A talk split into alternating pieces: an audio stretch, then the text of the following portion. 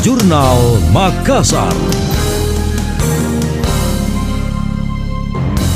Saya Priscila Rini dalam Jurnal Makassar. Pandemi COVID-19 telah berperan besar dalam mengubah pola transaksi masyarakat dari tunai menuju digital. Untuk menjawab kebutuhan konsumen, PT Astra Digital Arta meluncurkan Astra Pay guna meramaikan tren dompet digital atau e-wallet. Hadirnya Astra Pay agar masyarakat dapat bertransaksi dengan mudah dan aman. Melisa Musali Rusli selaku CEO Astra Pay mengatakan, Astra Pay mempunyai value position yang khas, berbeda dengan pemain pembayaran digital lainnya. Astra Pay mempunyai kekuatan di sektor transportasi dan mobilitas, seperti fokus Astra selama ini.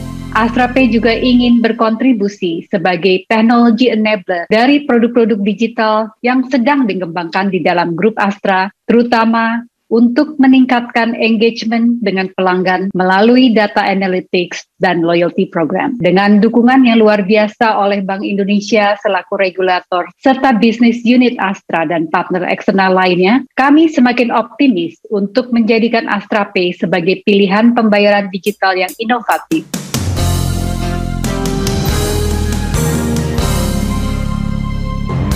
Melisa menyebut Astra Pay memiliki fitur direct payment untuk produk pembayaran angsuran dari layanan grup Astra.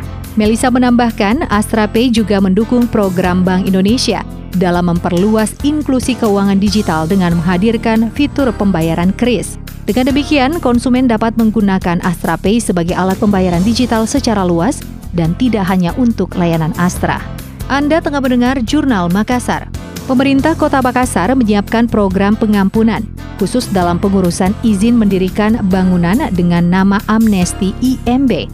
Wali Kota Dani Pomanto mengatakan, kebijakan itu untuk meringankan masyarakat.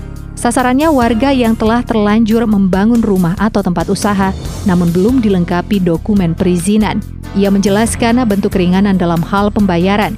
Jika dilaporkan, tarif pengurusan dikurangi hingga setengahnya. Tujuannya adalah masyarakat meningkatkan intensitas pengurusan IMB yang dilakukan. Jika seluruh bangunan memiliki dokumen perizinan, berdampak terhadap penataan kota yang lebih maksimal. Kan saya mau bikin amnesti MB. Semua urus kembali MB. Jadi kalau yang misalnya eh, saya dulu minta izin ini cuma 100 meter, yeah. ternyata saya bikin 200 meter, berarti kan 200. Hmm. Dilapor di 200, bikin gambarnya ter dikasih tertib di depannya. Jadi tidak tidak di selama dia tertibkan sendiri tidak dibongkar. Dan kita kasih insentif. Kalau dia melapor untuk sisanya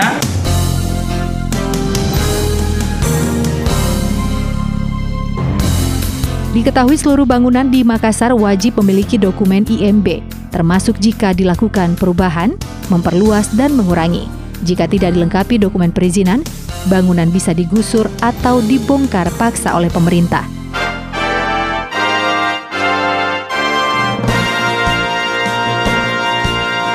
Demikian tadi, Jurnal Makassar.